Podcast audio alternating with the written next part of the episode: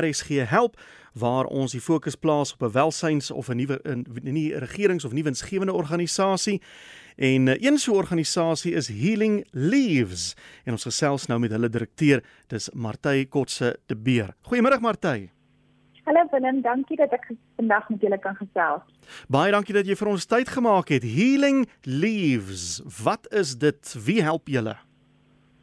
So, ons is 'n klein NPO wat baie gefokus is op gemeenskap en jeugontwikkeling.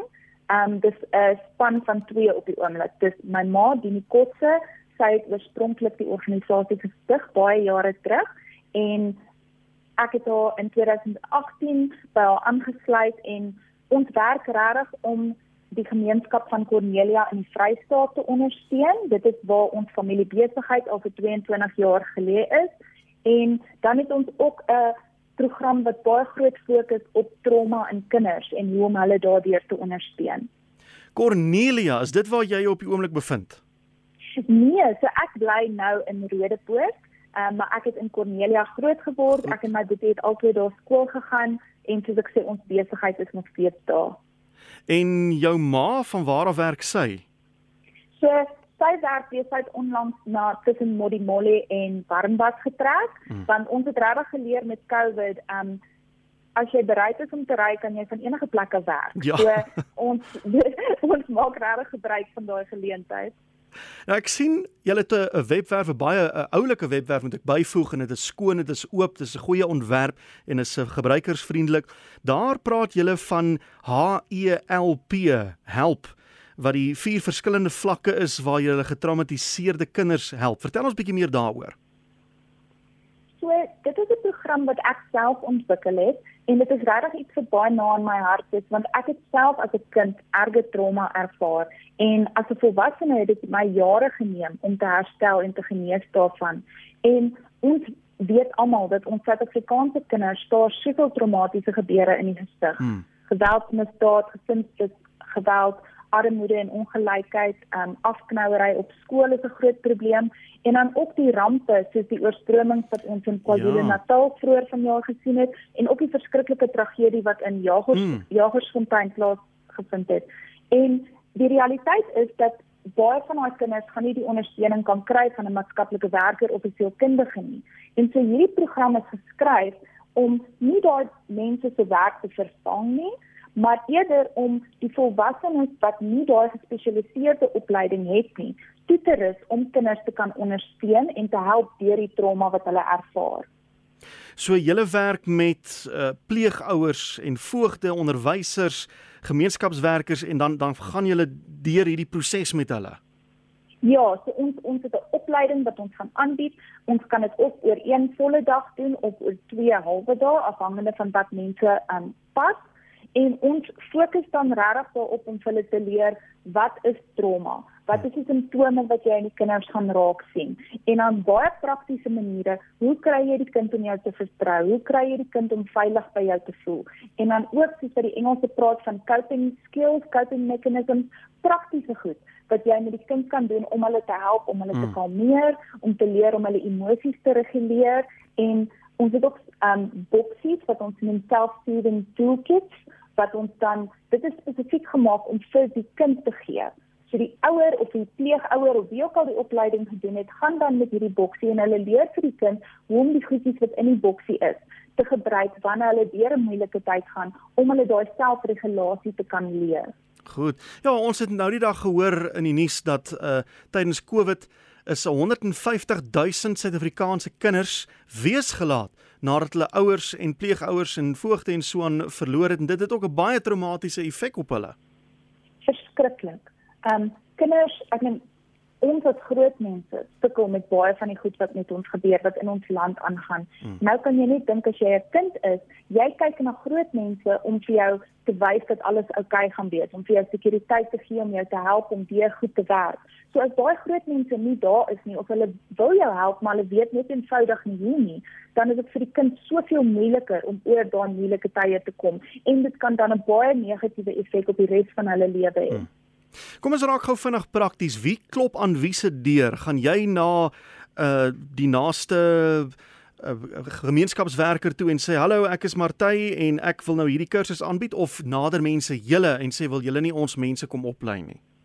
Dit kom van albei kante af. Ons probeer om soveel mense as moontlik van die program te vertel, ehm um, sodat as hulle belangstel, hulle ehm um, ons kan nader daaroor, maar ons kry ook navrae van organisasies wat met pleegkinders werk, skole, ehm um, daar was al organisasies van maatskaplike werkers wat ons genader het. So dit kom regtig van albei kante af. Hmm. Nou, hoe word julle befonds? Want sê net maar 'n skool kontak julle en sê luister, wil julle nie ons kom besoek en ons skoolsielkundige eh, kom vertel van hierdie program nie. Wie betaal vir julle eh, brandstof en daai tipe van ding? So, sê die opleiding self het ons 'n fooi wat ons vra per persoon wat regtig baie bekostigbaar is maar as dit kom by ons eie kostes, meeste van dit is um ons ons doen self die um ons self-funded as ek dit hmm. so kan stel. So soos ek verduidelik het, ons het 'n familiebesigheid en baie van die geld wat ons gebruik kom uit die besigheid uit um waar ons kan net om ons programme te organiseer um, te ondersteun. Ek sien. Maar jy het vroeër vir my gesê dis nou jy en jou ma Dini wat uh hierdie uh, um healing leaves bedryf raak nie oorweldigend as dit net die twee van julle is nie. dit kan partykeer en veral omdat um die nood so groot is. Dit voel partykeer dat jy nooit almal gaan kan help wat dit regtig hmm. nodig het nie maar ons hoop regtig dat soos wat die organisasie groei, soos dat ons programme groei, ons dalk meer mense by die span kan sit en dat ons nie op ons eie vir altyd gaan werk nie. Nou dit was nou my volgende vraag aan jou. Wil julle so aangaan die twee van julle of wil julle uitbrei en groter word en meer mense help en hoe wil julle dit doen? Ek sou graag wil hê ons moet meer mense kan help. I mean hoe meer um hoe groter ons word, hoe meer hande gaan daar wees, hoe meer mense kan uitgaan om trainings te doen, hoe meer mense kan betrokke wees in die gemeenskapprojekte. So dit gaan regtig vir ons ons wil dit graag groei, soveel as wat ons kan. Nou Martie op die oomblik is jy besig om te gesels met honderde duisende mense.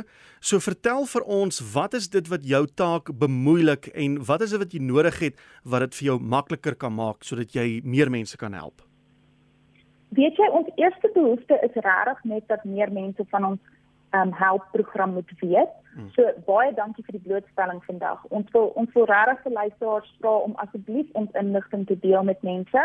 As hulle iemand ken, 'n organisasie, 'n skool wat hulle dink sal baat by die opleiding, ons sal regtig na enige plek in Suid-Afrika reis en ons kan ook die opleiding oor Zoom doen, maar ons verkies regtig om dit in persoon self ja. te doen. Dan het ons ook 'n backup by die veldtog op ons webwerf om fondse in te samel vir die self-soothing toolkits wat ek oor gepraat het. Hmm. So hierdie toolkits is regtig 'n belangrike deel van die program en die realiteit is ons kan dit nie verniet weggee op die oomblik nie want ons het nie die fondse nie, maar ons sal graag wil kan. Hmm. Ons sal graag vir elke kind wat dit nodig het verniet 'n boksie van gee en dit is waarvoor die backup by die veld tog is. So as mense dalk 'n donasie daar wil maak of hulle wil dalk byvoorbeeld potlode, skryfboekies klein speelgoedjies, enigiets wat ons in daai boksies kan sit, wil skenk, sal dit vir ons ook baie beteken. So ek wil amper so ver gaan as om te sê as jy ooit as kind 'n traumatiese gebeurtenis beleef het, die skielike afsterwe van 'n geliefde, uh jy daar jy's gemolesteer of jy het te doene al gehad met kinders wat getraumatiseer is op watter manier ook al, dan moet hulle asseblief met julle kontak maak om hulle self te bemagtig met hierdie help program. Wat is julle kontakbesonderhede? So mense is welkom om al ons inligting op ons webtuiste te gaan sien. Dis www.healingleads.co.za. Hulle kan my ook direk kontak. My e-pos is martey m a r t h e @healingleads.co.za of hulle kan my gedurende besigheidsure kontak op my selfoonnommer 073 391 4774. Daar sê Martie baie dankie vir die saamgesels. Ek hoop daar's baie mense wat hulle hande gaan opsteek en hulp aanbied en wat wil deel hê aan hierdie projek wat jy ontwikkel het. En uh, dankie vir die saamgesels. Baie dankie Willem. En dit staan Martie Kotse de Beer, sy is die direkteur van Healing Leaves en net vir die kontakbesonderhede, hulle webwerf is Healing Leaves soos met helende blare, healingleaves.co.za en haar e-posadres is martie m a r t h e by healingleaves.co.za. Aan nommer is 073 3914774.